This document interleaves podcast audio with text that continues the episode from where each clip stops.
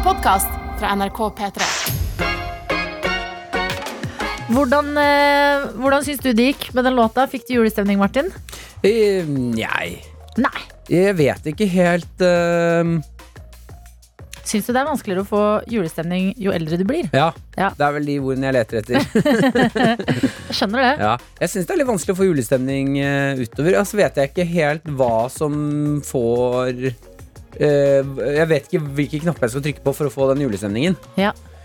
Um, Ja, det var ikke Band-Aid-knappen nødvendigvis. Men uh, med Do They Know It's Christmas Time. Men kanskje, kanskje en annen dag. ja, kanskje Hjalp det ikke at vi har fått et juletre på jobb? Hjalp det ikke. Hjalp det ikke? Juletre på jobb? I dag merker jeg at jeg må ta opp en gard. I dag Du Ja, trenger er litt hjelp hjelp. Hjalp! Hjalp! Ja, du snakket, du snakket sånn. Ja. Hjalp det ikke. Hei, hei. Hjalp det ikke? Eh, nei. Eh, det er ikke juletre og pynt gjør ikke så mye for meg, altså. Nei. Eh, det, det som gjør at jeg kommer i julestemning, det er den eh, Jeg og søsknene mine hadde alltid en tradisjon om at vi sto opp tidlig, gikk opp med julestrømpene våre, fulle av godteri, eh, lå oss i sofaen med dyner, og så så på juletegnefilmer og serier serier og sånn. Ja. Eh, men det er vanskelig å gjøre i samme form nå. Ja, det er det. Men du kan jo bare ta en dyne ut i stua di og se på Grinchen, liksom. Ja, men aleine så funker ikke det like bra, altså. Nei, jeg skjønner. Og så har søsteren min fått barn, han andre broren min har fått barn. Det er mange, det er mye barn, og da tar de sofa. Og det irriterer meg òg. Igjen, nå kommer jeg inn på debatten hvor vi lar barna styre livene våre. Ja. Men hvis barna er på besøk, så er det de som får lov til å bestemme hvilken tegneserie vi skal se på. Ja. Og da må jeg se på noe som jeg ikke har noe forhold til. Så får de lov til å sitte og se på det. Ja, Hvis sånn- jeg har lyst til å se på Langbeina, og, Langbein sønn, så må Mm. jeg gå på rommet mitt. Ja, sånn nymotens Fantorangen pynter til jul, liksom. Ja. Det er noe- det vekker ikke noe barne... Det vekker ikke noe juleminner hos meg, det. Men vi har sikkert hatt vår tid. Ja, Vi, da vi var barn, måtte jo alle andre vike for oss. jeg bare mener at når de barna er hos bestemor, som er Mm. min mamma, Ja, ja Så- du er nærmere. De er nærmere. Da skal mammaen min si at du, uh, gutten, det er Martin som bestemmer hva som er på TV-en her. Jeg ler, eh, og jeg er glad det er du som sier disse tingene. Jeg skal ikke si jeg aldri har følt på dem, for jeg har også søsken med barn. Men har, tanken har slått meg når vi har vært samla. Men det er kanskje det som er bra i år, med at det er maks ti i jula. Ja, de ikke kan komme. At nå er det færre om fjernkontrollen. Nevøen min kommer ikke på besøk. Jeg kan se på langbein, diddly, diddly, diddly. Det, er- det er jo sant. Ja, men hva er det du får julestemning da? Du, jeg får julestemning ganske mye. Ja. Sånn som i dag så hørte jeg på Aurora med Stjernestøv på vei til jobb. Det er den uh, låta til eh, Stjernestøv julekalenderen. Den ser jeg skikkelig fin. Og så uh, kommer jeg på jobb, så er det pynta juletre, vi får på julemusikk. Hjemme har jeg også pynta. Uh, tenner litt lys. Jeg må liksom litt sånn fake it till you make it. Man må gå litt sånn all in yeah. på ting som du forbinder med jul, og så plutselig en dag så sitter du der og bare «Hå! Der! Herregud, det er førjulstid. Jeg gleder meg. Jeg har det bra. Jeg har julestemning. Eh, Vi var, jeg og kjæresten min var jo også innom eh, en butikk og uh, altså atomhandla til uh, jul. Ja. Hele, Som panikkhandel, liksom. Sånn, det er jul! ja, ja, og bare er Nisser! Pynt! Så nå er det hele leiligheten. Er, det er så mye nisser i den leiligheten. Ja. Eh, vi har også laget, eh, fått julekrig med naboen over oss. Nei! Jo, jo, jo, jo, jo. Det er gøy! Jeg er Maren, første i blokka som hang ut julepynt på verandaen. På En eh, liten lenke med lys. Ja. Eh, det går noen dager over oss da. Det er to ganske kule damer som bor over oss. Ja. Eh, se, kommer inn i bakgården. Da ser jeg at de har hengt opp eh, mye bedre lenke enn oss. Ja. Sånn lyslenke som smelter nedover verandaen. Oi! Eller terrassen, eller hva det heter. Ja. Eh, og en stor nisse som står og vinker i neonlys. shit. Ja, de har gått all in. Ja, og to snømenn som titter over verandaen. Ah, Og så Jeg møtte dem og sa sånn ja, ja. Ja, ja. Ble, ble, ble, litt mer enn, enn det vi hadde. og så var de, sa de at de var bitre for at vi var de første som hang ut. Ok, så dere Ja. har den seieren, i hvert fall. Men hva tenker du hva er strategien videre nå? Uppe det, eller Nei, så, ja, det er det jeg lurer litt på, da. Ja, Uh, men jeg er redd for å gå inn i krigen med den, altså, for jeg ser ut som to damer som tar jula seriøst. ja altså uh, Blinkende nisse og to snømenn og smeltende lenke. Mm. Ja, Da skal du gå all in, men kanskje det er det som vil få frem eh, julestemninga i deg uh, til slutt, da? Ja, vi får se. Dette er P3 Morgen. Vi er på, på Snapchaten her. I dag er du så greier. rar, Martin. Jeg vet det. Jeg er i godt humør i dag. Det er bra, det. Vormeland er med oss, skriver god morgen. Kaffe og dere starter tidligvakt etter to dager. Syk. Straks på vei til barnehagen. Velkommen tilbake til det friske liv. Ja, velkommen tilbake til det friske liv. Håper du får en fin dag i barnehagen. Og eh, at du prøver en ny matkombinasjon i dag. Det føler jeg er veldig sånn typisk barnehagebarn. At de, Å, Hva skjer da, herregud, Martin? Det er Siri. Siri Siri meldte seg på ballen. Mobilen. Siri, en bort med deg. virtuell assistent. Jo, men barn føler jeg ofte spiser sånn eh, Jeg vil ha leverpostei og Nugatti. Ja. Og så tenker man sånn hm, Vil du det? men kanskje i dag skal Ok. jeg tenke ja, det vil jeg òg. Jeg blir med. Jeg blir med. Bli med på det kjøret der. Ha i hvert fall en fin dag på jobb, og takk for snap fra deg.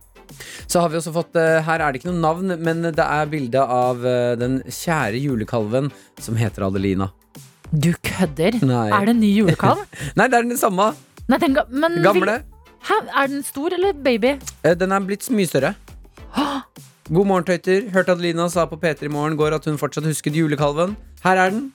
Få se den. Her er deg. Å, herre! Nei, det der er en ny kalv! Er det ny Det, det er en ny kalv! Den andre var jo på en Nå må dere slutte, må dere slutte å kalle dyrene deres Adelina. Nei, aldri slutt med det! Det finnes en julekalv. Det må jo være den vi fikk snap av. Dette skjedde mens du var borte, vet du, Martin. Okay. Så kom det en snap av en liten kalv med sånn rød julekåpe på. Sånn kukåpe. Å ja, da gir det mening her. Da er det ikke, den heter da ikke Adelina. Tror jeg. Den Ta- har ikke på julekostyme i dag. Uh, nei, jeg vil gå videre. Martin. Den heter fortsatt Adelina, det er greit. Heter den Adelina eller ikke? Nei. Den er grei. Vi går Her- videre. Ja, Så må vi si hei til Semir, som har sittet oppe hele natta. Din syke, syke mann. Han har eh, brukt hele natten på å lære seg et nytt musikkprogram og skal endelig eh, begynne å lage egen musikk. Fy faderen. Det liker jeg. Det er sånne ting. Eh, når det er en eh, pandemi, hvorfor ikke lære seg noe nytt? Vi har lært oss å potte om planter, Mm. å lage surdeigsbrød, sånne type ting. Men å lære seg å lage musikk, ah, det er en god, eh, god ting. Men har du noen gang sittet oppe hele natten og lært deg et sånt nytt program eller et eller annet? Noen type ting når du bare sånn, åh, nå skal jeg gå hardt inn og lære det greiene her. Nei, det tror jeg aldri. Hei, Har du? Ja, jeg har prøvd. Jeg gikk jo på musikklinja sjæl og måtte Ja. lære sånn musikkprogram på PC-en eller Mac-en.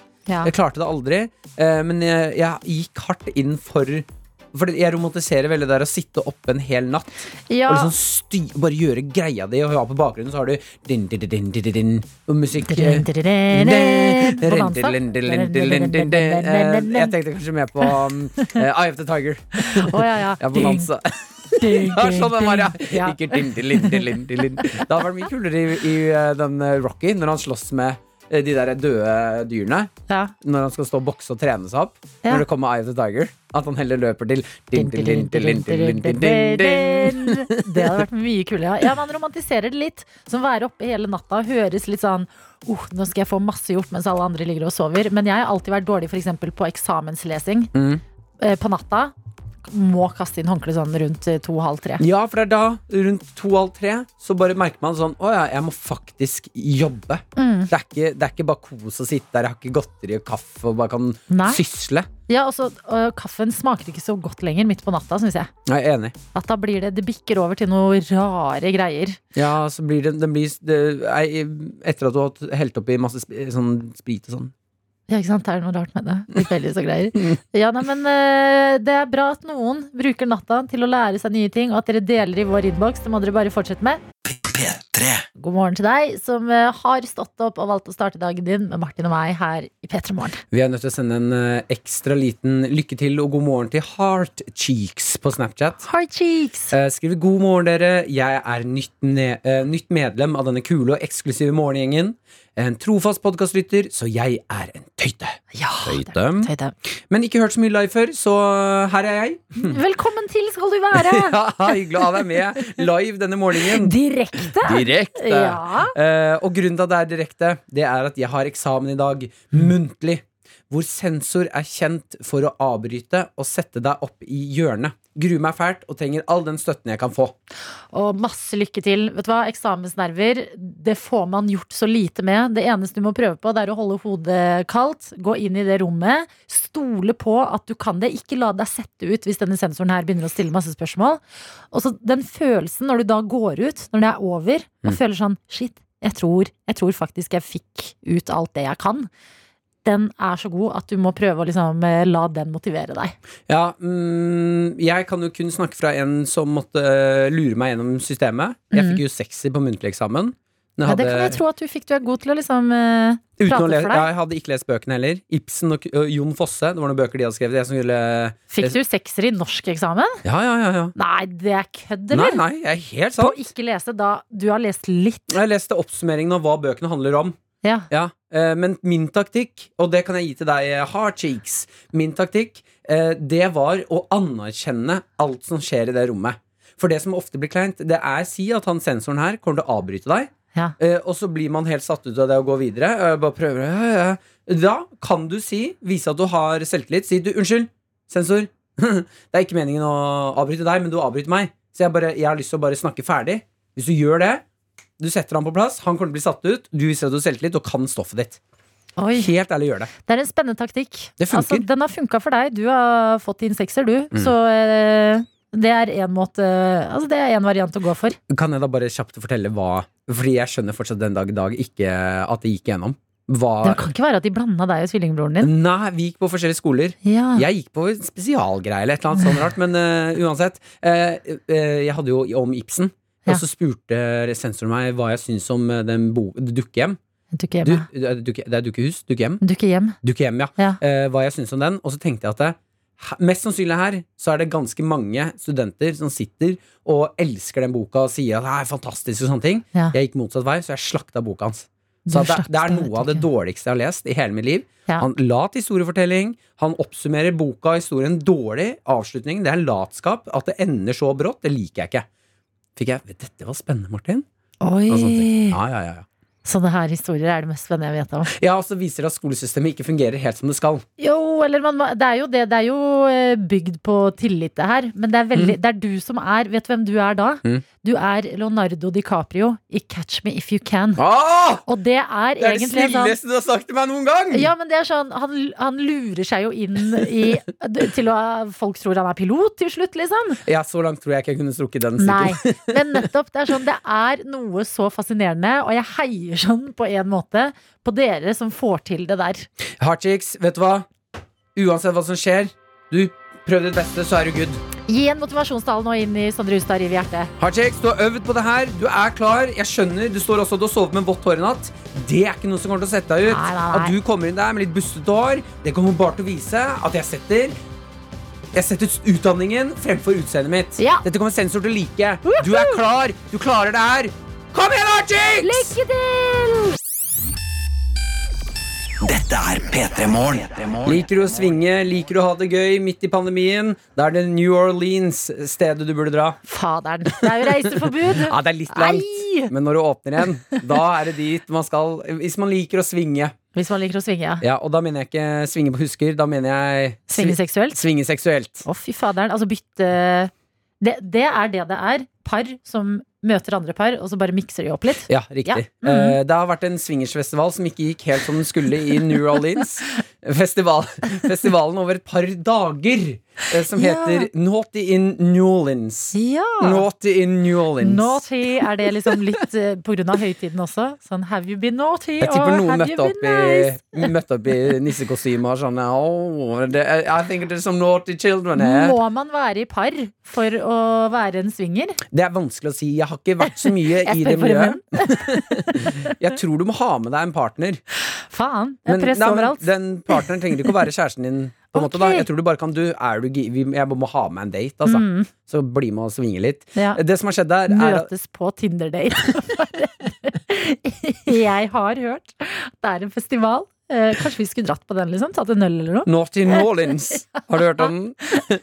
Det er nå altså 41 personer som er koronasmittet på denne festivalen etter festivalen. Det gir jo mening, da. Ja, eh, og det er noen ting som skurrer her.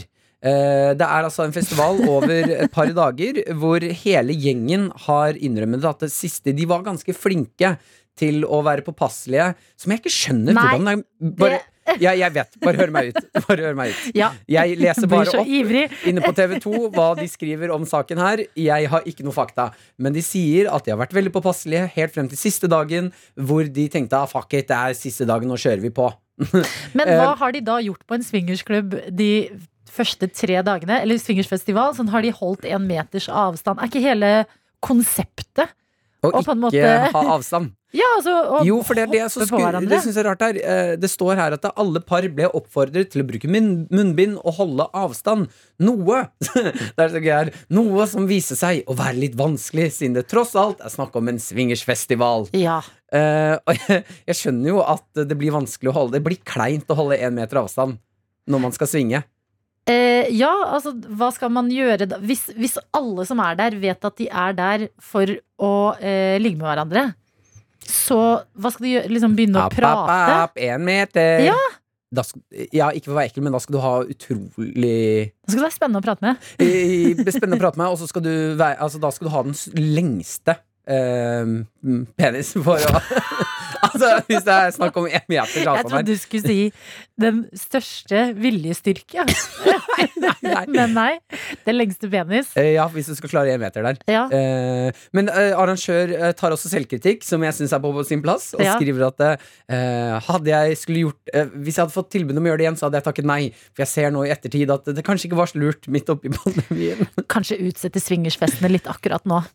Kan være greit. Ja, altså, Når pandemien herjer, ikke møte store klynger og eh, tafse på hverandre. Det er jo Det er på en måte er step one. Ja, jeg syns det er noe fint med at det sitter eh, mange hjemme og bare venter på at verden skal åpne igjen, så de kan dra og svinge.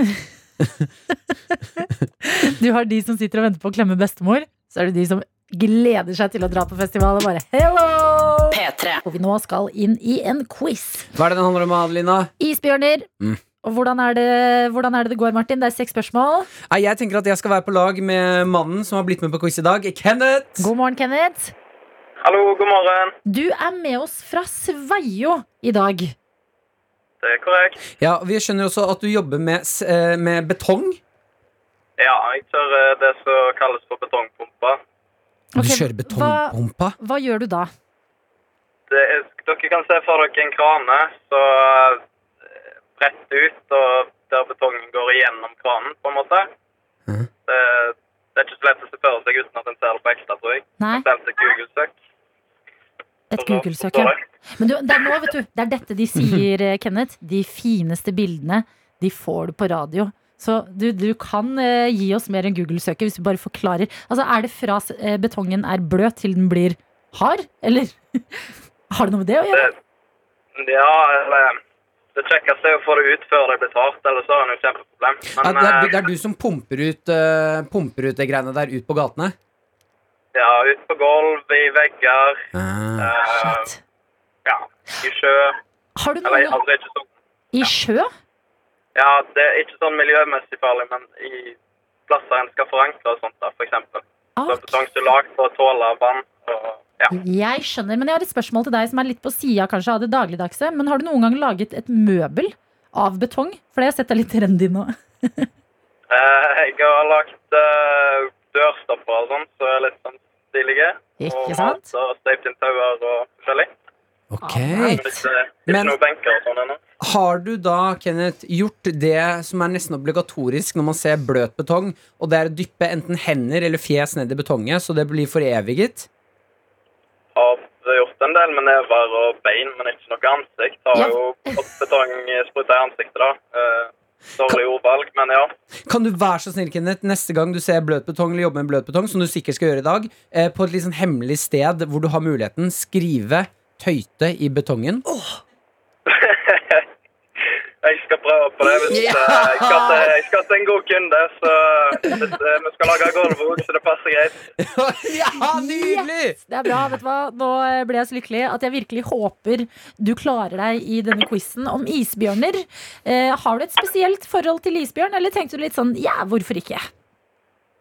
Nei, jeg syns det, det er fine dyr. Isbjørn er den stiligste bjørnen. Jeg vet ikke om jeg kan noe mer enn gjennomsnittet, men ja. Jeg er glad i Arktis og Enig. La oss finne ut hvor mye du egentlig kan, for her kommer seks spørsmål, og det du trenger, det er fire riktige. Ja.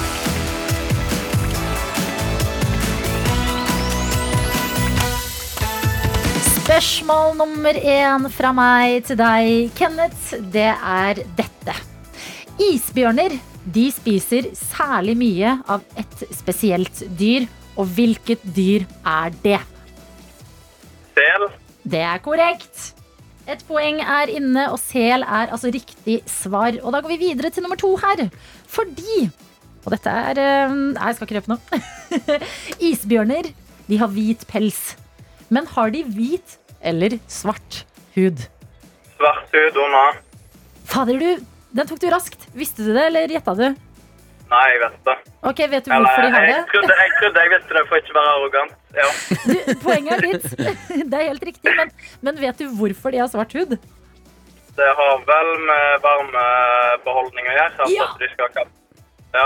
Det er helt riktig. Det er for å absorbere varme fra sola. Gøy at du visste Jeg det. så på hele deg Adeline, at du skulle ønske at Kenneth ikke visste det, så du kunne brife litt med isbjørnfaktaen her. Ja, det er sant. Men så ble jeg også veldig lykkelig. Det var stas at du kunne det, Kenneth.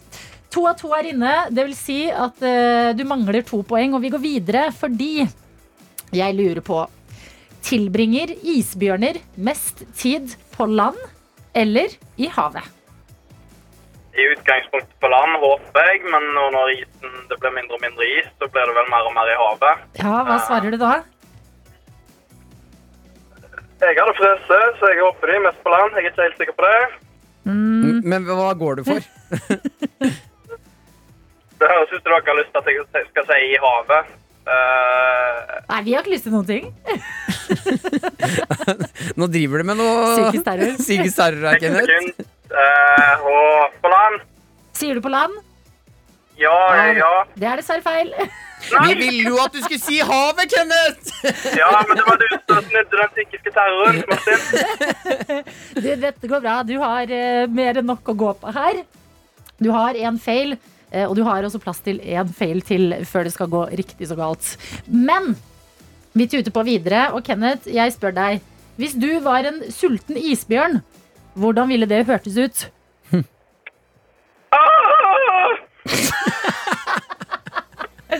Din sultne isbjørn høres ut som Tarzan. Det liker jeg, og det er poeng. Og det betyr at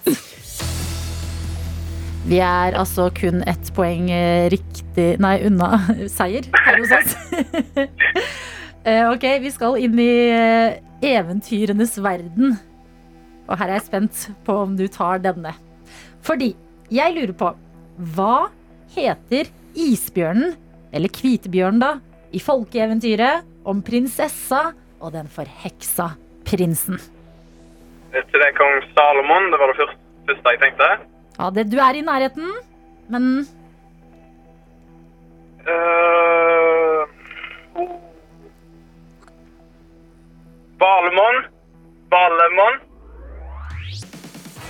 det er riktig! Det er riktig!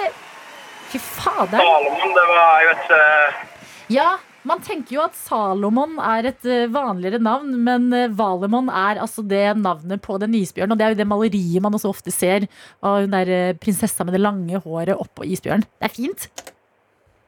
Ja.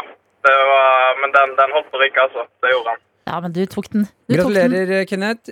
Hva er det nå som du har vunnet P3 Morgenkopp? Hvordan skal du feire dette i dag etter jobb? Det blir i meg på god middag. Yes! La, ok, når, når du skal lage en innmari god middag, hva er det du lager da? Uh, innbakte pannekaker uh, med gratinert ost på toppen. Fy faderen. Å, shit. Vet du hva? Det, er, eh, det høres ut som tidenes feiring. Takk for at du var med på quizen, Kenneth. Husk å skrive tøyte i betongen. Ja, jeg sender bilde. Ja da, ha det, ha det. Godt. P3morgen. P3morgen. Vi må snakke litt om eh, komikerne her i Norge. Ja, Snakker om Bent Høie og Erna, statsminister Erna. selvfølgelig. Ja, De koser seg på, på pressekonferanse om dagen. Ja, det blir jo mye av dem, og da er det jo greit å gjøre det litt gøy, tenker jeg. Og Ja, de- i går var jo den store som man liksom har ventet på. Hva skjer med jula i år? Og der blir det altså Det blir fortsatt litt strengt, men løsnet lite grann på. Det blir opp til altså, eh, to samlinger på ti personer Mm. gjennom julen, med da én meter mellom alle som ikke er i samme husstand. Ja, og midt oppi det litt sånn alvorlige tingene de må gi informasjon om, så liker altså, politikerne våre tulle litt. Grann. De får også spørsmålene Kan julenissen komme på besøk. Eh, og da jeg, jeg liker at de prøver at de tuller litt med oss. Det første, første utgangspunktet er jo at nissen kommer jo fra Nordpolen, og Nordpolen er faktisk hvit på vårt kart. Altså utenfor den røde, grønne, gule kartet. Den er hvit. Vi har ikke rapportert noen smittetilfeller fra, fra det, så i utgangspunktet så antar vi at han får lov til å komme. Får man lov å klemme nissen også? Ja, men han bør ikke kysse mor. Det, det er for nær kontakt. Ja. Slenger Bent Høie seg på på slutten, og du hører hvor fornøyd han er med den kommentaren. Ja, Ah, men der er de begge fornøyde. Ja. Ah, ja, Nordpolen, der kan vi melde om at det er hvitt. Men ja, nissen kan ikke kysse mor akkurat i år. Oi, kommer videojournalist Daniel inn her. Hei. God morgen, Daniel. Ja, god morgen. Jeg hører hva Erna sier der. Mm? Om at det er hvit sone i Nordpolen. Men jeg vil bare komme med andre fakta, fordi at jeg har hørt noe annet. Du ser veldig streng ut nå. Ja, fordi det her er jo Hva har du hørt om Nordpolen? Nei, det, det er litt sånn spennende om dette er fake news eller ikke. Fordi jeg så på Midtnytt i går, altså Trøndelag sin eh, nyhetssending. Og der hadde Alf Skille, programleder, eh, et intervju med fylkeslegen i Trøndelag som heter Jan Våge. Ja. Og der kom de frem til noe annet. Og når vi da kommer til julaften, så er kanskje et av rådene å ikke nusse nissen. Det kommer litt an på om du vet hvem nissen er, og om vedkommende tilhører kohorten din, men kommer han fra Nordpolen, så vil jeg anbefale å holde seg unna. Oi, kommer han fra Nordpolen? Hold deg unna. Så her er motstridende fakta altså, som er kommet fra myndighetene. Men da er spørsmålet skal vi høre på disse personene eller Erna. Eh, fordi jeg har gjort eh, Jeg som en god journalist, jeg er jo videojournalist til vanlig. Eh, det- men jeg, prøv, så jeg prøvde meg på litt sånn gravende journalistikk. Jeg har funnet ut da at det egentlig fasiten er at um, finner vi USA. Fordi der har de stilt det samme spørsmålet til han dr. Anthony Fauci. ja. Alle spør om det her. Som er, det er han som har liksom vært ansiktet utad på eh, legemiddelstanden, eller eh, eh, hva skal jeg si, eksperten på um, smittevern. ja. Det er Sveriges Nakstad, kan vi si det? USAs Nakstad. USAs Nakstad. Ja. Takk for det. Eh, og der sa han jo rett og slett at eh, bare slapp av, folkens. Eh, ikke vær redd for at uh, nissen skal spre smitte. Han er- Se for deg supersmitteren der, og gjennom liksom eh, Pipa pipa. ned i- Kjem, kjem ned pipa, så må du ta den testen først. Ja. Og så må du vente et par dager, så kan den komme ned, testen, komme ned pipa igjen. Nissen må ta en million sånne tester. Herregud. Men i hvert fall, dr. Anthony Fauci sa at bare slapp av, folkens. Eh, nissen har medfødt immunitet mot korona. Ja, men hvem er det vi skal høre på her, da? skal vi høre på da? Ok, men amerikanerne tar vi ikke noe råd fra akkurat nå. Sorry. men trønderen eller bergenseren? Nei, jeg kjører uh, Erna og Bent Høie. Jeg liker det. Det er greit med julenissen. Det er uh, hvit sone, men ikke kyssenissen. Ja. Uh, og det blir jo rapportert fra USA om at de små hjelperne til nissen har eh, tatt avstandsregler. Så de har større avstand på jobbstasjonene deres, og de bruker masker. Men- så jeg vil, jeg, har en, jeg vil at nissen skal komme til meg. Da er spørsmålet Er reinsdyrene til julenissen det samme som minken vår. Å, fy faen. Der åpner du en ny boks. Det er en, det er en ikke vil jeg Hva er det som skjer med jula?! skjer bare masse små røde, neser stikke opp i en grav. P3. God lukeåpning til alle dere som våkner nå og kommer på «Hå! Jeg har jo en julekalender! Har du julekalender i år? Nei, jeg har ikke det. Mm. Har du? Ja, to. To, ja. Ja. En fra kjæresten din og en fra mammaen din. En fra kjæresten min og en annen fra kjæresten min. Shit, kjæresten din er glad i deg. Ja. Deilig. Eh, jeg vil eh, bare dele et lite tips med folket der ute. Uh, morgengjengen vår. og det er ikke Ok, jeg må forklare det her ordentlig. For jeg gikk på en liten smell. Jeg hadde et litt skittent øyeblikk i går. Ja. Kjøpte en cheeseburger på burgerbutikk. En, Yes. liten cheeseburger, for jeg var litt småsulten. Ja, det backer jeg, og jeg må Mm. si eh, terskelen min for å gå inn litt sånn midt på lyse dagen Mm. og kjøpe meg burgere Jeg bor jo rett ved siden av en Max Burger, og jeg faderen, altså, de har, de har gode burgere. Terskelen for å bare ta på meg et munnbind og dra det litt sånn Ja, fordi man føler at man blir litt gjemt når man går inn der for å kjøpe fastfood midt på dagen. Ja, det er litt mindre skam knytta til det. For det er ikke sånn 'å nei, nå ser kanskje naboen min meg', eller noe. Det er sånn, nei, jeg har lue, jeg har munnbind. Jeg går inn her som en liten ninja og går ut Og så får man litt sånn vridd stemme av det munnbindet som er sånn Og det får cheeseburger. Dobbel cheeseburger og milkshake. Fire fries. Og sånn ostedipp. Yes, det var det. Eh, Jeg kjøper i hvert fall en liten cheeseburger og gleder meg stort til å spise den. Eh, Skal ta bussen hjem. Kommer på bussen, har cheeseburgeren i lomma. Er sånn ah, shit, it's time to feast. Ja. Eh, og så glemmer jeg at man skal jo ha munnbind på hele bussturen. ja. Jeg kan jo ikke ta av det munnbindet. Så når jeg åpner den cheeseburgeren for å Nei, spise har du tenkt å spise cheeseburger på bussen? Ja! Martin, du kan ikke. ja! Nei. Det fant jeg ut at jeg ikke kunne.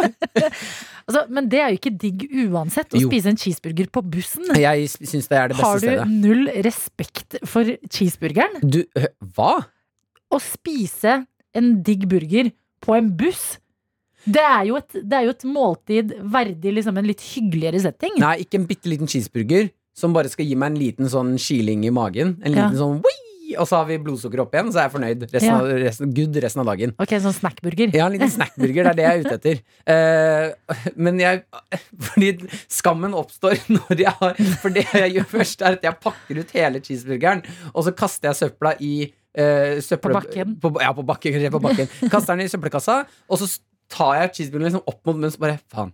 Jeg har munnbind på. Mm. Og så har jo nå har jeg cheeseburgeren ute i lufta. Ja, Så nå er jeg en fyr som står med en, en åpen cheeseburger og munnbind på bussen og beholder den Mm. cheeseburgeren. Jeg holder den et helt stopp. Det er liksom et stykke. Ja. Og så merker jeg at nå begynner det å lukte cheeseburger i hele Pluss bussen. det begynner å bli rart. Ja, for nå er jeg han fyren som bare står med en cheeseburger i hånda og munnbind. Ja, Jeg føler, jeg føler meg sånn Nå er jeg han fyren. Dette er ikke noe hyggelig for noen. Um, så litt i, i panikk så tenker jeg sånn Ok, det, det kan da ikke være et problem hvis jeg bare åpner munnbindet litt på sida, og så stapper jeg den cheeseburgeren i munnen. Litt kjapt. det, er, det er et problem. Ja, det er et problem. Ja, det var, det var mye vanskeligere enn jeg trodde det skulle være å spise den cheeseburgeren. For jeg, tar, jeg åpner på sida, Ja, for det er jo ikke en liten sånn slider som du bare kan ta Nei, som en liten makron. Det er en russeknute i hodet. Ja, ja. Jeg åpner liksom helt på sida av øret, sånn at jeg bare kan skvise cheeseburgeren inn på sida. Mm. Så bare Og så dytter jeg den inn og lukker. Eh, nå må jeg tygge. Men da har du tapt. Fordi da har du drept kosen. Ja. Det er det jeg mener. At når du skal spise burger, så må du jo sørge for at det er liksom litt sånn koselig opplevelse. Litt gøy. ja litt Og- gøy. Ja, Liker å spise sånn fast food på husker og sklier og Nei, men sånn, det er jo ikke noe digg når vinninga går opp i Nei, spinninga. Nei, jeg er fullt klar over Men dette måltidet her var ikke for å gjøre akkurat det. Dette måltidet her var for å få opp blodsukkeret og spi- få smaken av en cheeseburger. Ja, Jeg skulle bare sluke den greia der. men så er det pandemi. Ja, men nå har jeg cheeseburger i munnen, og det å tygge en hel cheeseburger bak et munnbind, det, og det som oppstår da, er en cheeseburgerkondens. Så nå er brillene mine er duggete av cheeseburgerduft. Jeg får ikke puste, fordi alt som skjer bak den maska, det er cheeseburger. Og jeg står, og jeg blir kvalt av min egen cheeseburger, mitt eget påfunn. Så jeg, jeg, jeg, Jeg står i fullstendig panikk. Mm? Dette er naturlig seleksjon. Jeg holdt på å daue, Adelina. Ja, men det, vet du hva? Kanskje like greit, eller? Hadde Når jeg du tar de her valgene, hva tror du skjer? Så, det er Ja. samfunnet som prøver å si no, no, no. Det burde no. komme med en lapp når du kjøper sånn der munnbind. Ikke cheeseburger på bussen hvis du skal bruke den her. Ok, men Nå har du lært og kan dele med oss, og da veit du det fra i dag av. Hvis du hadde tenkt til å snike i deg en burger med munnbind på bussen Hvis du ikke visste det fra før, gjør det! det går ikke. P3 Morgen. P3morgen. Hvor det begynner å nærme seg tida for besøk, og jeg gleder meg så utrolig mye. Og hadde noen fortalt meg for eh, si en måned siden at eh, vi skulle få besøk av Kaja Snare, som er programleder av Champion Chess Tour, så hadde jeg tenkt litt sånn mm, Ok, kan ikke så mye om sjakk. Nå kan fortsatt ikke så mye om sjakk, men har sjakkfeber takket være The Queen's Gambit. Ja, Netflix-serien som handler om eh, en eh, jente som blir verdensmester i sjakk. En Ja. helt sinnssykt fet Eller serie. det er ikke sikkert hun blir. Nei. Jo, ikke satan. Åh, eh, som man skal følge. Målet hennes er å bli verdensmester i sjakk. Ja, har du ikke sett den nå, så er det, da må du se den. Vi kan ikke holde tilbake nå. Nei, vi kan Ja. ikke det. Jeg merker at uh, å få Kaja på besøk, som er uh, en slags sjakkekspert Mm. um, Målet mitt må Fordi jeg har også sjakkfeber. Er- Jeg er litt nervøs for det her. Jeg har, jeg har lyst til å bare Jeg har lyst til å stille ett intelligent spørsmål. Ja, ok, men Skal vi planlegge det, eller? Det er Ett intelligent spørsmål jeg kan Ja, stille. jeg har eh, et forslag. Ok, jeg skriver her. Ok, fordi at eh, Dette tenkte jeg på under eh, The Queen's Gambit også. Ja. At det er, og man ser det når hun begynner å spille sjakk, at det er veldig, veldig mye menn og veldig få kvinner, og de blir liksom sjokkert over at en kvinne skal spille sjakk. Mhm. Hvordan står det egentlig til med likestillingen i sjakken i dag? Hvordan står det til med likestillingen i sjakk i dag? Ja, det er, godt, det er, Er ikke det et godt et? Hvordan, jo, Sitter det godt i munnen? Prøv å si det. Kaja, hvordan står det til med likestillingen i sjakk i dag? Ja, den sitter greit, den. Jeg syns den er god, jeg. Da går jeg for den. Kan jeg få den? Den tar du. Ok, takk. Jo, og jeg takk, skal sitte her på sida, og jeg skal backe. Men én ting som er sikkert, det er at Kaja hun er på vei til oss. Og det blir Queen's Gambit, det blir sjakkprat. Og det jeg merker nå, er hvordan kommer man i gang også hvis man har lyst til å liksom spille litt mer sjakk? Fordi jeg har liksom aldri slengt meg på det, men nå er jeg gira. Så er det bare å starte på 1, 2, 3, eller burde man legge opp et løp? Alt dette, det skal vi prate om med Kaja P3. P3. torsdag den 3. desember, da skulle det endelig skje at du, Kaja Snare, som er programleder for Champions Chess Tour, skulle komme på besøk til oss i P3 Morgen. Hjertelig velkommen og god morgen! God morgen og tusen takk. Jeg gleder meg. Så bra, fordi vi har hatt uh, sjakkfeber. Ja, vi har sett på Queen's Gambit. Yes, sjæl. Mm. Ja, god serie. Å, den er så bra. Den er så bra. Mm. Oh, herregud. Er det ikke den mest sette serien inne på Netflix akkurat nå? Eh, den var i hvert fall det frem til eh, det derre engelske kongehuset The Crown. The Crown, Crown. ja. eh, så jeg er ikke helt sikker akkurat nå, men frem til det så var det det. Ja, for du som hører på nå, som ikke har sett Queen's Gambit, det er en eh, ekstremt god sjakkserie. Som er gøy å se på selv om du ikke kan sjakk. Ikke Ja, ja. sant? Fordi det var det jeg husker at mange sa sånn Ja, det er en serie, den handler om sjakk, men den er spennende. Så var jeg litt sånn nja. Men så så jeg den til slutt, og den er faktisk spennende. Og det, når alle liksom sier det til hverandre, sprer budskapet, og alle ser Queen's Gambit, har det noe å si for dere som eh, faktisk jobber med sjakk? Masse, masse, og spesielt eh, det jeg driver med, da, som er Champions Chess Tour, som er en online sjakktour. Eh, vi vises jo på Eurosport og Twitch. Eh, og sjakk på Twitch, altså stre streaming av sjakk, har blitt kjempesvært. Og spesielt i USA og store nasjoner, da. Ja, Ja, for det er internasjonalt. Her i Norge så kan du se Champions Chess Tour på NRK og TV2. Helt riktig. Mm. NRK sender neste turnering fra 26. Eh, mens den sendingen som jeg da leder, den er på Eurosport og Twitch og internasjonalt. Ikke sant? Men eh, sjakkinteressen vokser. Er det sånn at flere begynner nå å spille liksom lynsjakk og sånn på internett? Ja, det virker sånn. Det er masse tall fra altså, spesielt USA, da. Eh, mange, mange flere som, som registrerer seg for å spille sjakk på nettet. Salg av sjakkbrett har gått eh, i været.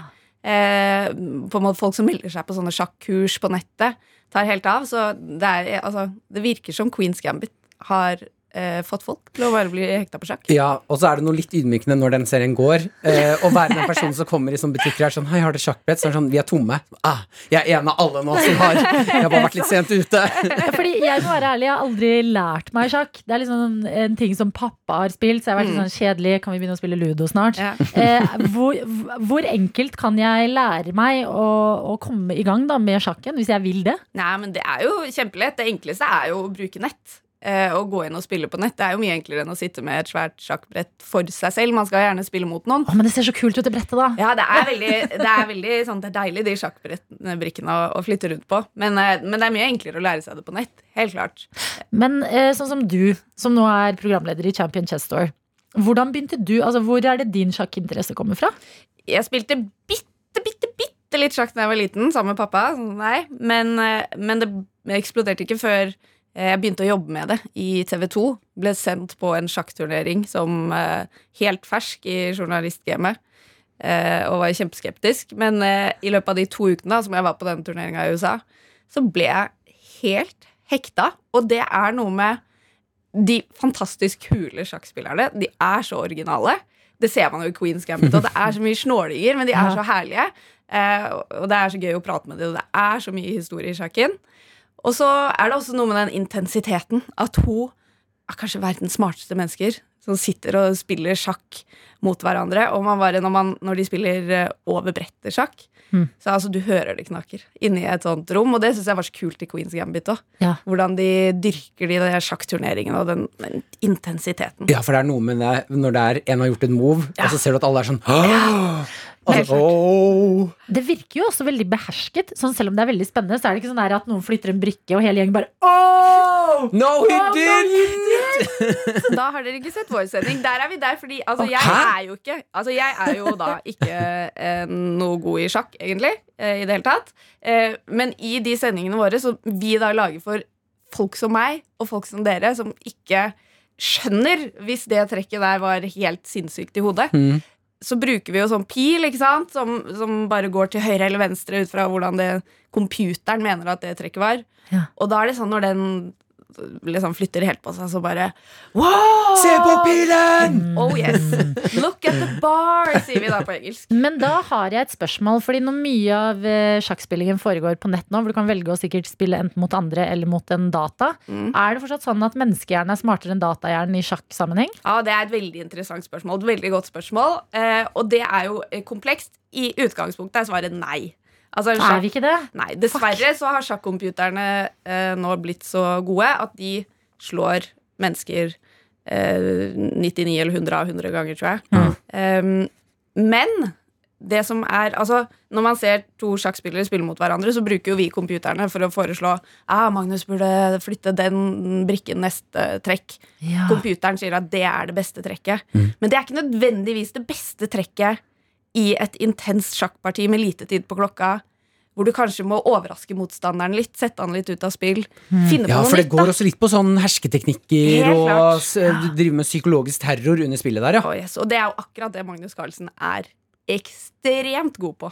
Overraske litt. Overraske litt. Han spiller, han spiller jo selvfølgelig veldig ofte korrekte trekk i forhold til computeren, men når partiene skal avgjøres, Mm. det er ofte da du ser Magnus gjøre et helt merkelig trekk, og du hører ofte ekspertene si når han gjør et trekk. Dette skjønner jeg ingenting av. Oi. Og da sitter motstanderen og bare Hva faen? Hva er det du gjør? Dette her så jeg ikke komme. Med to minutter igjen på klokka, ikke sant? og bare, da skjønner ikke motstanderen noen ting. Selv om han kanskje står bedre, fordi Magnus egentlig har gjort et dårlig trekk. Men det er et overraskende trekk. Men hvordan, altså er det veldig viktig da for motstanderen å skjule? Altså, fordi det er jo veldig sånn pokerfjes. Må jo holde, da kan ikke motstanderen vise sånn shit, shit, shit, shit, hva gjorde Magnus nå? Du må sitte og late som du har kontrollen. Ja, i utgangspunktet. I hvert fall i sånn klassisk uh, over brettet-sjakk. Uh, man har jo noen fantastiske eksempler fra VM hvor uh, første VM, andre VM Magnus spilte i Sotsji i 2016. Eh, hvor han gjør en kjempeblunder i et kjempeviktig parti mot Vishy Anand. Og alle vet jo det. Journalistene har jo computere og sitter og ser det. Men du ser at Magnus sitter der og bare Det er ikke, han, det er ikke en mine i ansiktet, selv om man skjønner at han Inni vet det. hans er det no! Ja, Ikke sant? Men der kan han ikke vise det, da Fordi da hvis Anna skjønner at han har gjort en tabbe, ikke sant? så, så kan jo han vinne partiet. Ikke sant? Så Man vil jo gjerne ha sånn pulsklokker og sånn på spillere. Sånn man kan Men hvordan gikk det med han, da? eh, I det partiet, det gikk bra. Han klarte å redde seg. Oi! Ah, ja da, faderen, ja pokerfjes. Det redder Pokerfjes. folk. Dette er P3 Morgen. P3morgen. God morgen til deg som er våken og med oss. Akkurat nå så har Martin og jeg Adelina besøk av en vi har gledet oss så mye til å få på besøk. Det er deg, Kaja Snare. Du er programleder i Champion Chess Store, og i dag så prater vi eh, om noe vi kanskje mye takket være TV-serien The Queen's Gambit har hatt på hjernen, nemlig sjakk. Ja, og jeg har sett, eh, jeg har sett hele serien og beit meg merke i at, eh, som jeg ikke har tenkt over før, at det virker som et sånn ekstremt eh, mannedominert, en mannedominert sport. Hvordan er det det står til med likestillingen i sjakk? Nei, Helt i verdenstoppen så er det jo uten tvil eh, veldig mannsdominert. Mm. Man har ikke hatt en kvinnelig sjakkspiller topp ti på veldig, veldig veldig mange år. Jeg tror hun som er verdensmester, kvinnelig verdensmester i sjakk nå, hun er sånn nummer 90 i verden, eller noe sånt. Mm. Så av en eller annen merkelig grunn da, så er det ikke kvinner i toppen, selv om man skulle tro at sjakk burde være den sporten hvor man bare er helt likestilt. Hva tror du er grunnen til det? Jeg tror det er eh, mange grunner til det. Én grunn, som jeg syns er veldig interessant, eh, som flere nevner, er at menn kanskje i større grad har litt sånn autistisk gen. Mm. Større eh, grad av besettelse, på en måte, eller evne til å bli besatt, som du må være. da Skal du være topp ti i sjakk i verden, Mm. så må du være fullstendig besatt av det, og du må kverne hjernen hele tiden. ikke sant? Ja, for det er Ja. livet ditt 100 er sjakk, da. Ja, og du, liksom, du driver og skal løse disse sjakkåtene konstant, da, hvor Ja. enn du er. Eh, og, så det tror jeg altså, faktisk er en genetisk forskjell. At kanskje menn i større grad blir Bitte litt litt besatt. autistiske. Ja, litt grann autistiske. Ja, fordi man er tenker jo med en gang Ja, at, ja, ja. eh, at eh, Fordi sånn som for eksempel fotball, så deler man jo inn eh, kvinner og menn, og det er pga. fysiske forskjeller, men da er det liksom litt andre fysiske forskjeller da, i sjakken. Mm. Det er spennende. Ja. Men eh, altså, kan kvinner og menn møtes i turneringene, for eksempel? Altså, er det åpent? Er det sånn miksa kjønn? Helt klart. sjakk- Sjakk-VM er eh, sjakk-VM for de to beste spillerne i verden, uansett kjønn. Eh, men så har man jo nå også sjakk-VM for kvinner. Ja. For at eh, kvinner også skal kunne på en måte bli verdensmester, da. Eh, som i alle andre sporter. Mm. Eh, men i utgangspunktet er det åpent. Eh, hvem som helst skal møte hverandre. Barn mot voksen, kvinne mot mann. Men har det alltid vært det? Har det historisk vært en sånn menns eh, spill? Eller har kvinnene også fått innpass? Jeg har nok følelsen av at det har vært litt, eh, litt mennenes verden. Helt klart. Men altså, mennenes verden har det jo Altså generelt Hele verden? Ja, altså, hele Ja. verden. Det har det generelt vært. Eh, sånn at det var eh, Altså, det er ikke mange år siden det ble helt åpen nå, eller at vi mer åpent, da. Men det tenker jeg kanskje kan være en annen grunn. da altså, Tenk hvor sinnssykt i verden det er at Magnus Carlsen fra Norge er verdensmester i sjakk. I Norge, Norge er et land uten veldig sterke trad sjakktradisjoner. Mm. Så blir det født liksom et unikum i Norge, og han blir verdensmester. Mm. Og eh, I en alder av tolv. Var det ikke det? Nei, han ble, altså, han ble stormester. Ah, nesten, Adelina. Stormester. Nesten. Ja. Yes. Jo, jo, men I en alder av jeg tror han var 13. 12 eller 13. Ok, Ja. fordi det er da, da lurer jeg på Møtte han da voksne folk? Er det Ja. liksom på samme måte som man mikser eh, kvinner og menn? Mikser man liksom 13-åringer og 60-åringer? Ja, ja, ja. Så Shit. derfor er jo ikke Sjakkforbundet er jo ikke medlem av Idrettsforbundet. Fordi de vil ikke ha noe av dette at barn ikke kan spille konkurranse, og at Mm. liksom seksåringer ikke kan møte 40-åringer. da Ja. Det er liksom viktig for sjakken. Men når det er så miksa, og sånn som øh, øh, Altså, når det er så miksa, og alle kan møte alle, og du sa i stad at det er liksom, handler litt om hersketeknikker når man skal vinne og ha pokerfest og sånn, blir det hissig stemning i sjakken noen gang? Ja, altså øh, Veldig sjeldent når man spiller sånn overbredt sjakk, Mm. så har man sett eh, sinneutbrudd, fordi det er jo mye kutyme. Det er en gentleman-sport. Men gentlemen igjen. Mm. Eh, Gentle person gentle sport. Må de alltid gå med eh, dress og sånn når de skal er, spille? Ja, det er litt sånn kutyme hva man skal ha på seg, og det er ofte regler for det. Men når vi hadde denne Champions Chess Tour første turnering nå, da, som er online, hvor spillerne bare er på webcam, og de kan velge om de skal se hverandre eller ikke, og det er veldig lite tid på klokken, så var det helt bajas med ansiktsuttrykk, og det var null pokerfjes.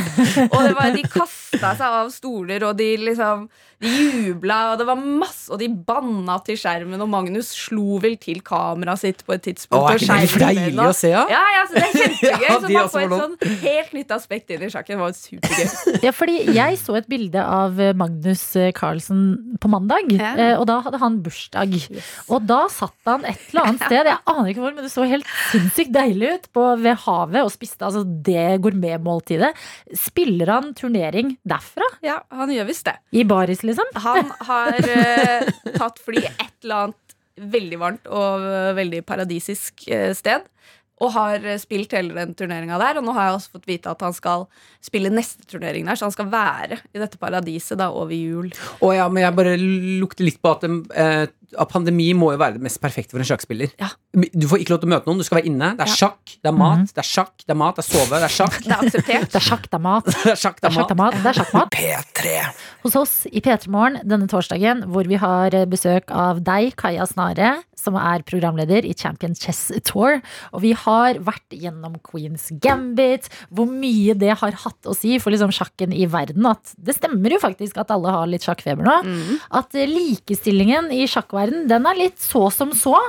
Eh, men, eh, men det Vi venter i hvert fall fortsatt på at liksom, en eller annen kvinne skal komme opp der og, og hevde seg. Ja, i virkeligheten, og ikke bare i en serie. Helt korrekt. helt korrekt Hun er, blir et forbilde, hun Beth Arman. Ja, men kanskje det her er bra, da, med at flere begynner å faktisk spille sjakk, som har vært en eh, konsekvens av denne serien. Men så er du jo også programleder i Champion Chess Store. Hva er det? Det er en eh, online sjakktour. Det er liksom det nye store i sjakken. Man kasta seg litt rundt når korona kom og skjønte at ok, eh, fordi alt av sjakkturneringer ble jo avlyst. Men sjakk kan man jo spille, det kan man jo bare spille på nett. Det er jo stort sett det spillerne uansett gjør. Så man lagde en, en tour, som betyr da at man har eh, ti turneringer i løpet av de ti neste månedene. Ja. Eh, og da samler spillerne poeng underveis, og så blir det en superfinale da i september neste år. Oi, shit, Så det er, en, det er en lang turné, dette her. Det er en veldig lang turné. ja. Og nå er første del av turn, eh, turneen over. Første turnering Ja. Første turnering er ferdig. Den varte ni dager. Magnus Carlsen ble nummer to. Han tapte finalen. Åh, Så vi fikk jo Det en sjokkåpning. Nei, det helt klart likte han ikke. På bursdagen sin tapte finalen mot amerikaneren Wesley So.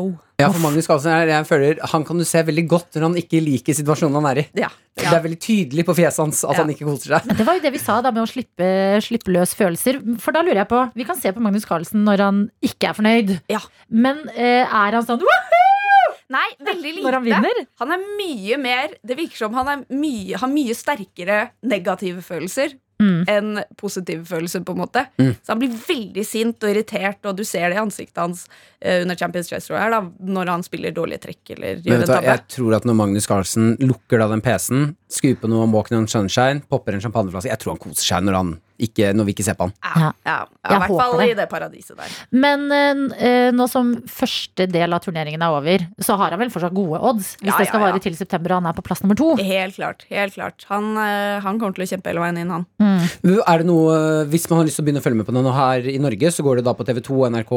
NRK. Eh, ja, eh, er, det no, er det noe vi burde være obs Fordi jeg syns det kan være litt vanskelig å ha styr på hvem som er hvem. Er det noen sånne rivaler vi burde få med oss, eller? Ja, ja, ja, ja. Ok, Magnus Carlsen har så mange rivaler.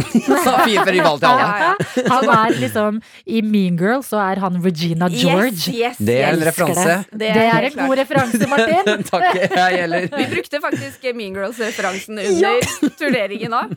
Yes! Fordi eh, altså når fire bønder, pawns, da står liksom på linje, så ser de så sjukt skremmende ut. Hvis de liksom står i sentrum og på linje. De er så, vi, så vi kalte de The Mean Girls. Jeg liker det. Yes. Du er okay. allerede inne i sjakken. Nok Ja, ja, ja, Mean. Girls. Er det noen andre rival, rival, rivaliseringer du burde følge med? Ja, også, ok, Magnus Carlsen mot Hikaru Nakamura, en amerikaner. De er ikke så fan av hverandre. Er de, er de nærme hverandre i alder? Eh, Hikaru Nakamura er litt eldre, Ok. men de- jo nokså like i alder. Ja, For det må gjøre enda vondere når det kommer en yngre person Ja, og og det knuser er deg. det det nå gjør. Så Wesley Soe er jo da bare 27. Magnus fylte 30. Eh, Åh. Så han er jo yngre. Han er jo en rival. Og så har du Anish Giri, en nederlender, som er et nettroll av eh, dimensjoner. Han tvitrer så mye drit til alle, og spesielt da til Magnus. Nei. Og hersketeknikker! Yes da, men Og Magnus på en måte Jeg tror nok han driter i det. Han slår han jo ofte Han, han for eksempel slo han ut i kvartfinalen, da. Ja. Ja, for Så- det er jo faktisk den beste hersketeknikken. Ja. Og bare, ja, men jeg driter i hva du sitter i, jeg slår deg. Ja, helt korrekt. Så, men han eh, prøver seg stadig. Han Anders Giro Han er eh, ganske mye yngre, så han, liksom, han kommer. Yes. Eh, og så har du Ja, du har flere. Fabiano Caruana. Er det noen, sånn som i Queen's Gambit, så er det jo russerne som er de skumleste. Er det noen gærne russere Ja, utover? ja, ja. Eh, Gærne, ja. Altså Sergej Karjakin var med nå. Han er, han er veldig hyggelig. Superhyggelig fyr. Jan Nepomniachtchi. Eh, han er også su de, Russerne er egentlig veldig hyggelige. Veldig ålreite. Ja, ja. fordi det rasist, Martin. Nei, nei, nei, slutt, slutt. Jeg tenker jo at russerne er litt sånn steinansiktene som kommer inn, ikke viser noe følelse, bare knuser alle og går.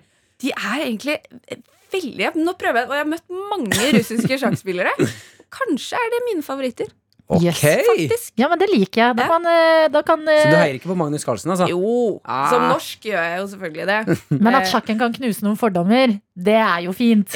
Eh, du har sagt at eh, sjakk er egentlig en sånn perfekt eh, korona, et perfekt koronaspill. Eller Mhm. koronasport, mm. kan man kalle det. Ja, underholdning så syns jeg jo absolutt det er perfekt. Det er litt slow TV, men, men ikke så veldig lenge, fordi man spiller hurtigsjakk, så det er høy temperatur. Eh, så det er deilig på en måte å sitte hjemme og følge med på det, Synes jeg. Mm. Og så er det jo, blir man jo veldig engasjert og får lyst til å lære. Og da er jo på en måte nett så veldig tilgjengelig. Da. Kan Hvor man- begynner man? Hvis, hvis du skulle begynt Hvis sånn som meg nå, som føler meg skikkelig sånn Jeg har lyst til å bli med. Ja. Hvor går jeg hen for å bare komme i gang? Jeg, altså, jeg syns det er gøy å spille mot Play Magnus-appen og spille mot Magnus fem år. Ja, men Da det er så synd når han blir åtte, og så Ja, så knuser da, han deg. Ja, men det er da du går til Play Magnus Trainer, Mm. som da skal lære deg til å nå det neste nivået. Ok. Eller så ville jeg gått på sånn Chess24 og spilt mot eh, venner og ukjente over hele verden. Men Play Magnus, er det en app? Ja. Mm. Ok. Ja, men Det- jeg hører hva dere du- sier. det- Selvtilliten din kommer til å bli knukket, Adelina. Ja, men vet du hva? Når Den Magnus blir seks år, så er han helt umulig å slå. Nei. Jo. Er, vet du hva, seks år, da begynner det å bli vanskelig, ass. Kaja, det har vært så stas å ha deg på besøk i Petermorgen. Tusen takk for at du kom innom. Og eh, jeg lover, denne sjakkfeberen, den, eh, den skal jeg gjøre noe med. Bra. Og det føler jeg at flere andre der ute også kommer til å gjøre noe med. Når er det vi kan se deg på TV-skjermen igjen? 26. desember, da er vi i gang på Twitch igjen. Perfekt. Akkurat når du begynner å bli lei familien i jula. Ja, sant, sant. Vent, mamma! Nå er det TV! Med Martin og Adelina. Ja, eh, vi, har, eh, vi har fått en julekalender her i PT Morgen, eh, og før vi skal åpne luke nummer tre To? Det er, er det 3. desember? Det er 3. desember i dag, ja. Før vi skal Før vi skal åpne luke tre, så må vi bare forklare litt hva denne julekalenderen er. Ja. For det er noe som heter rampenisse. Dette hadde ikke jeg hørt om før. Eh, Du fortalte meg hva det er, Adelina. Du kan forklare. Ja, altså det er jo en, eh, en kalender med en nisse som gjør litt rampestreker. En nisse som pranker litt hver dag i desember. Ja, fordi det er eh, en kjent ting, rampenissen, Mm. som er en sånn liten nisse man kan kjøpe, som kommer inn i huset ditt, og så hver eneste dag så gjør den en litt rampete ting. Ja. Den har kjæresten min også kjøpt nå for første gang i år. Ja, så det, blir litt, det er en rampenisse hjemme hos dere, men det er en rampenisse i P3 Morgen Mm. også. Vi har fått vår helt egne rampenisse. Og hver eneste dag Han har laget dag en eh, julekalender. Ja, vi får jo egentlig bare høre hva rampenissen driver med, da. Hei, jeg er rampenissen. Velkommen til luke tre. Nå skal jeg ringe et helt tilfeldig nummer og rampe litt. Hallo? Hallo? Hvem er det? Jeg ringer fra Rørleggersentralen AS. Det er rapportert vannlekkasje i, hjemme hos deg. Hæ? Det er rapportert vannlekkasje hjemme hos deg. Er det tull, eller? Nei, jeg ringer fra Rørleggersentralen AS. Men det er ikke, det er ikke jeg som eier huset. Nei, jeg har fått tak i nummeret ditt. Du står registrert på huset. Du, Mener du det? Er du helt seriøs nå? Ja, Hva er navnet ditt? det er rampenissen. Ha, lurte deg. Ha det! Å, rampenissen. Rampenissen! For en rampete type. Jeg er spent på morgendagen, jeg. Ja. jeg gleder meg til å se hva rampenissen gjør i luke fire. Ja. Eh, Jeg er inne på nrk.no og leser om en sak som er altså så ironisk at jeg nesten får liksom vondt inni meg. På ordentlig. Mm. Vi skal til Ungarn, eh, et land jeg faktisk har bodd i i et halvt år. Veldig fint land. Nydelig Altså, jeg bodde i Budapest. Nydelig by. Og nordmenn elsker jo å dra dit fordi det er litt sånn eh, Mye god mat. Mye god mat til billig penge. Billig penge. Ja, Mm. nettopp. Og så er det jo litt sånn at politikken til Ungarn, den er eh, ikke like nydelig som, som landet, kan man si. De driver jo en av de strengeste regjeringene i Europa. Og Viktor Orban, som er altså statsministeren deres, han kalles eh, ah, for en diktator, så å si, da. Mm.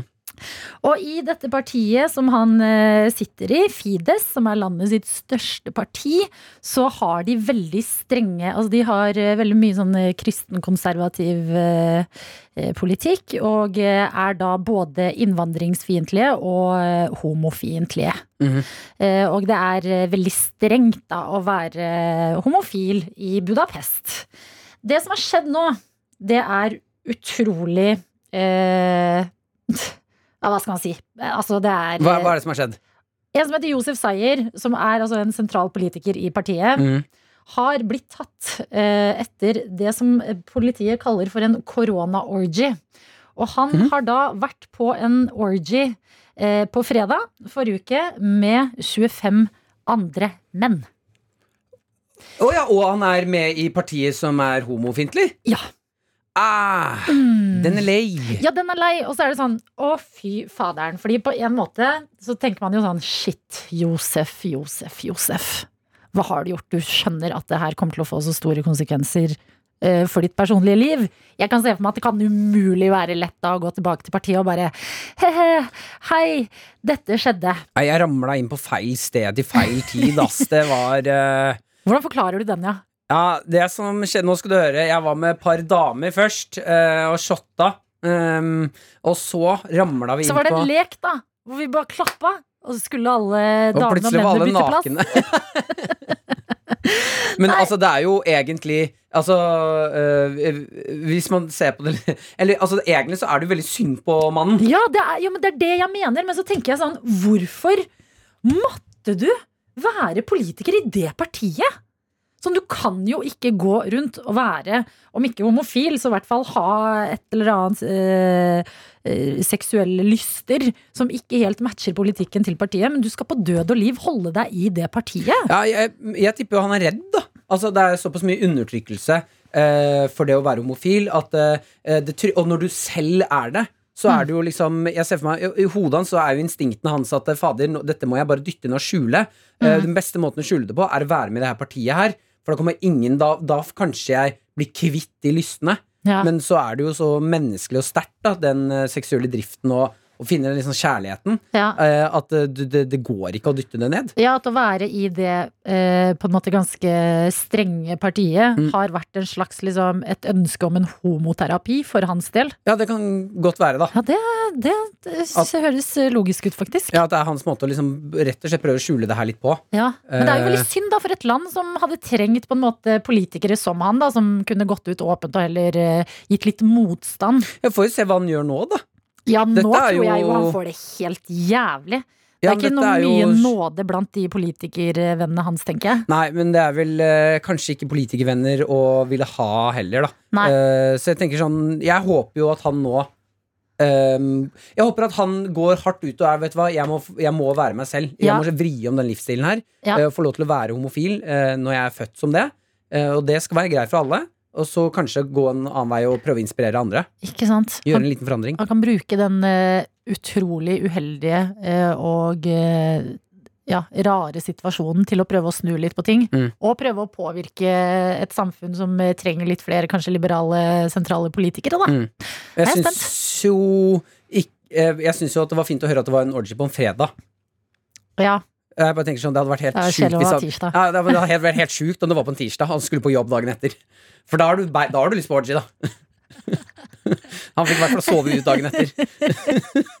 hvis du først skal ha en orgy, ha det på en fredag, da. Dette er P3 Morgen. God torsdag og god morgen til deg som er våken. Og med oss, vi må prate litt om eh, pressekonferansen som ble holdt eh, i går. Det var altså Erna Solberg og Bent Høie som var ute og endelig kunne fortelle oss hva som skjer med jula 2020. Og det ble løsnet litt eh, på, på sløret, om man kan si det sånn. Litt, eh, man kan møtes litt flere i jula, og det er jo fint, selv om det fortsatt eh, gjelder å holde avstand og passe på reglene og smittevern og sånne ting. da. Ja. Eh, Men det jeg syns er gøy, det er at Bent Høie han har holdt en tale igjen. Fordi det er jo noe med når vi er midt i en pandemi, så har man liksom vært gjennom en, en sånn skikkelig oppsving hvor smitten øker, og så går den ned igjen. Mm. Og da har Bent Høie tidligere liksom skrevet en tale om eh, smitte som øker, og går ned. Ja.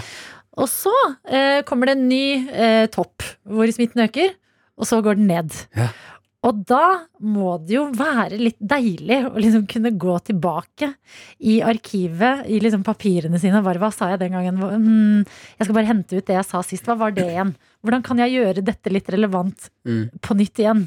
Og det kan vi jo høre på, fordi sånn her hørtes det ut da Bent Høie talte til folket igjen. Tallene tyder på at vi sammen kan klare det igjen. For antall smittede går ned igjen. Og ikke minst er det takket være innsatsen fra befolkningen igjen. Nei, det her er ikke lov! Det er ikke lov! Og jeg elsker det! Det er som å finne en sånn gammel skolefremføring. Du bare Ja! Det er jo ganske bra, det der, da. Hvis jeg bare slenger på én. Nå har, det har gått fort i svingene hos Bent Høie-redaksjonen nå, ass. Syns du det? Jeg elsker at det skjer, jeg. Det, jeg. Jeg føler at det gjør Bent Høie om mulig enda mer menneskelig. Tallet har gått ned igjen. Og det er takket være dere igjen. Jeg vet ikke hva jeg Snart jeg føler om dette her. igjen. du har hørt musikk i Petter Morgen, og det skal du høre igjen. NRK P3. Velkommen til deg, videojournalist Daniel! Ungdommen er eksperter på PC og data og knytter nyttige tråder til utenlandske stater. Og dermed i dataverden. Verdens beste verden. Du, I dag skal vi snakke om eh, norsk TV-historie. Ja. Eh, fordi Alex Rosén var på besøk her i P3morgen på mandag. Ja, vet dere, hvor- Beklager for at jeg avbryter. Vet dere hvor sinnssykt fomo jeg hadde da, eller? Jeg elsker mannen. Ja, jeg syns synd på deg, men da, nå får du litt Alex Rosén i monitor. Da, på en annen måte Jeg. Eh, fordi i to, det besøket fikk meg til å tenke på det beste han har laga på norsk TV. Og Det var en serie som heter Folk i farta. Som er fra 2001. Og i den programbeskrivelsen jeg kan bare lese hva det handler om. Eh, i, eh, Alex Rosén reiser rundt om i verden for å møte en rekke personer med norske aner som har gjort karriere i utlandet. Eh, og episoden jeg skal snakke om i dag, den er egentlig litt så Jeg kaller, sier at det er TV-historie fordi at det er en av få program på NRK som har blitt stansa av ledelsen i NRK før det blir sendt. Alex Rosén. Så det her eh, ble altså stoppa, og ble endte opp da til å bli sendt etter midnatt, når ungene har lagt seg. På NRK? Mm. Med, Yes. men Er det i... det som skjer på NRK etter midnatt? Alex Rosén. Man bare nei, bare nei. med en da innledning og en slags en advarsel da, på en måte om programmet. Eh, og vi kan jo bare høre da om hvem er vi skal møte i, det her, i den episoden det er snakk om. Han er Burt Reynolds look-alike etter seks operasjoner. 56 år gammel. Og han er fra Lillestrøm. Ladies and gentlemen, on Norwegian television, you're going to see the biggest porno star of all, Sasha Gabor. Og jeg skal bare lese litt om uh, CV-en til Sasha Gabor og historien om han. Ja. Uh, han kom fra Ungarn og gikk på da gymnas i Lillestrøm i tidlig uh, etter 50-årene. Og i 1963 så spilte han trekkspill for sirkuset Arnardo. Flytta til USA i 1968, utdanna seg som flyver. Og gikk da over i pornoindustrien, for den ligna da på Burt Reynolds. Han har spilt i over 800 pornofilmer. Han kan sju språk. Og han starta med porno som eh, 38-åring og holdt på til han var langt opp i 60-årene. Han er jo et geni. Ja. Og bare for, Snakk om å makse livet, da. ja. ja, og i denne episoden da så har eh, eh, Sasha, eh, jeg kaller jeg er på fornavn, eh, gått over fra uh, Burt Reynolds. Burt Reynolds var en sånn tjukk, eh, mørk bart og så ganske sånn Er det det er, Kommer pornobarten av han, tror du? Ja, nest, ja det kan jo være et godt bilde. Eh, men når han ble eldre, sånn i 50-60-årene, som han er i serien her, så ligna han mer på Sean Connery. Altså den gamle Bondstjerna på sine Ja, eldre også dager. ekstremt kjekk Veldig mann, kjekk. Så Sasha Gabor er veldig kjekk. Eh, og vi kan jo bare um, høre her Jeg vil bare gi dere et bilde på tonen i dokumentaren. Her er en typisk scene. da Sasha, hvor skal vi nå? Nå skal vi opp på Fermesi og kjøpe Viagra. ja, Så det er bare et lite sånn bilde på tonen mellom dem imellom. Skal på Pharmacy og kjøpe Viagra. Ja, og eh, bare- bare videre, fordi det er så mange gullkorn i denne dokumentaren. da For helt i starten, altså tre minutter inn i denne dokumentaren, så møter vi Alex Josén og Sasha i en bil. Alex Josén filmer med et håndholdt kamera, så det er veldig sånn intimt. da Der eh, Sasha kjører, og så eh, sitter Alex i passasjersetet. Eh, og det her er minutt tre av dokumentaren. Og vi får vite at Sasha Gabor har vært i Latvia og Finland for å spille inn pornofilm, og nå skal han spille inn en porno i Norge. Og det som er, her kommer det et eh, navn på det kvinnelige kjønnsorganet, så hvis du er litt sånn ømfintlig, så kanskje eh, Her er en advarsel, da. Men Sasha har en plan når han er i Norge. Sasha sitter nå og planlegger fredagen, for han skal være her i tre dager. Og da er det veldig viktig for Sasha å vite hva gjør vi på fredag, for da skal Sasha lage pornofilm. Ikke sant Sasha? Altså, ikke bare at jeg skal lage porno men jeg må, jeg må få litt norsk mus. Det har jeg ikke hatt på lenge. Litt norsk fitte. Oi, ja, grisegutt. Ja, Han har jo misforstått. Det vi driver med på fredager, er taco. Det er feil dag. Det var 2000-tallet. Det var anna tid. Ah. Tacoen kom litt senere. Først kom musa, så kom tacoen. ja. Og det er litt sånn spennende egentlig at du sier, ehm, nevner det her med mat. eh, fordi ehm, Eh, det her eh, For Sasha har et tips, da. Han står, Det er jo en scene rett etter det her, der Sasha står og pusser tennene med en Alexis tannbørste før han skal spille inn porno. Og til slutt der da, så er det bare et lite tips fra Sasha om hvorfor det er lurt å pusse tennene før man spiller inn porno. Du ser, du kan ikke slikke fettet med hamburger mellom tennene dine. Hamburger, tomat, salat Kan ikke slikke fettet da. Eller kysse jenta. Altså, altså, det er jo ikke rart i at ledelsen i NRK har satt kaffen i halsen, for å si det sånn. Men eh, det er jo for så vidt et godt tips. Det er jo det. Altså, uh, ja. Um, uh, og det ble gøy å tenke Nå på følte jeg meg ekkel. Jeg, jeg, jeg føler meg ekkel nå. Jeg lot deg- jeg lot deg være med det. ja, det var ikke la meg henge den. Jeg, jeg, føler- ja. Eh, så eh, det her er Daniel. Hva da? Det er bare spennende med Ta litt med sånn annerledes- skitne ting inn i radioprogrammet. Skitner oss til. Ja, men sånn, det må jo være litt sånn. Det må være litt sånn. Eh, og jeg vil bare Jeg skal fortsette å snakke om denne dokumentaren i morgen. Er det mer?! Fordi at altså, det er så mange gullkorn at jeg ikke rukker å fått med alt. Så, så i morgen Jeg kommer orker mer av det her. For da, i morgen da kommer det beste for dem på pornofilminnspilling i San Fernando Valley. Eh, Men vi, jeg, vi stikkord, stikkord Ja, fordi, jo, nå vil jeg ha Ja. sånn I morgen. I morgen folkens, så kommer del to av sagaen om Sasha Gabor, Norges største pornostjerne. Vi skal følge Sasha og Alex Rosén på en gangbang-innspilling i San Fernando Valley. Det blir gullsitater i morgen. Følg med. Dette er P3 Morgen. Hvor vi har en julekalender gående i innboksen vår fra elektrikeren til Martin og meg og deg som hører på. Og i dag skal luke tre åpnes, og her står det i innboksen vår, kodord P3 til 1987, julekalender fun facts dag tre! Mer enn 2500 venstrehendte personer dør hvert år grunnet bruk av høyrehendte produkter. Å ja, ja, men det har jeg hørt før. Har du det? Ja. Um. Først og fremst syk fun fact. eh, det er ikke så fun. Nei, men det er en fact. Det er en fact, ja. Har du hørt det? Jeg tenkte Ja. at det var litt mye. Å ja, altså tallet er jeg ikke helt sikker på. Det kan være mye. Men jeg vet i hvert fall at det er sant at uh, det, er ganske, det er en del folk som dør pga. høyrehendte uh, altså da, da er det Produkter? produkter. Ja. Da er det snakk om liksom litt større maskiner og Ja. sager og litt store, farlige ting. Ja. Som ikke er lagt opp til venstrehendt bruk.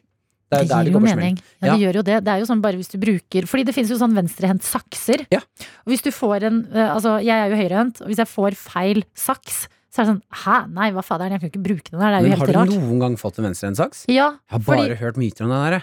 Nei, vet du hva, jeg har Ikke fordi sett den. naboen min hjemme eh, og en av mine beste venninner Er eh, venstrehendt? er. Kommer de seg ut av leiligheten sin? Kommer seg, kommer seg ut og møter folk. Men gjør de det, ja? Klarer ja, de det? og da vi hadde sånn juleverksted og sånn da vi var barn, Mm. så var det sånn Kan du sende saksa? Så bare æsj. Ikke den! Jeg skal ha den vanlige saksen. Øh, Få det bort fra meg! Husj! Men jeg har jo alltid Jeg, jeg føler også det er tingen som man er barn. Så blir man alltid misunnelig på de som er Jeg skulle alltid ønske at jeg var venstrehendt. Ja, jeg også, men det er fordi at jeg eh, Ok, så, så stryker det kanskje med et par. Men så har jeg også hørt at veldig mange smarte folk er venstrehendte. Sånn Einstein, Obama, som folk som har utmerket seg, har Ja, vært det kan ha med at de må jo kompensere på et annet sted. Siden de ikke får til vanlige ting.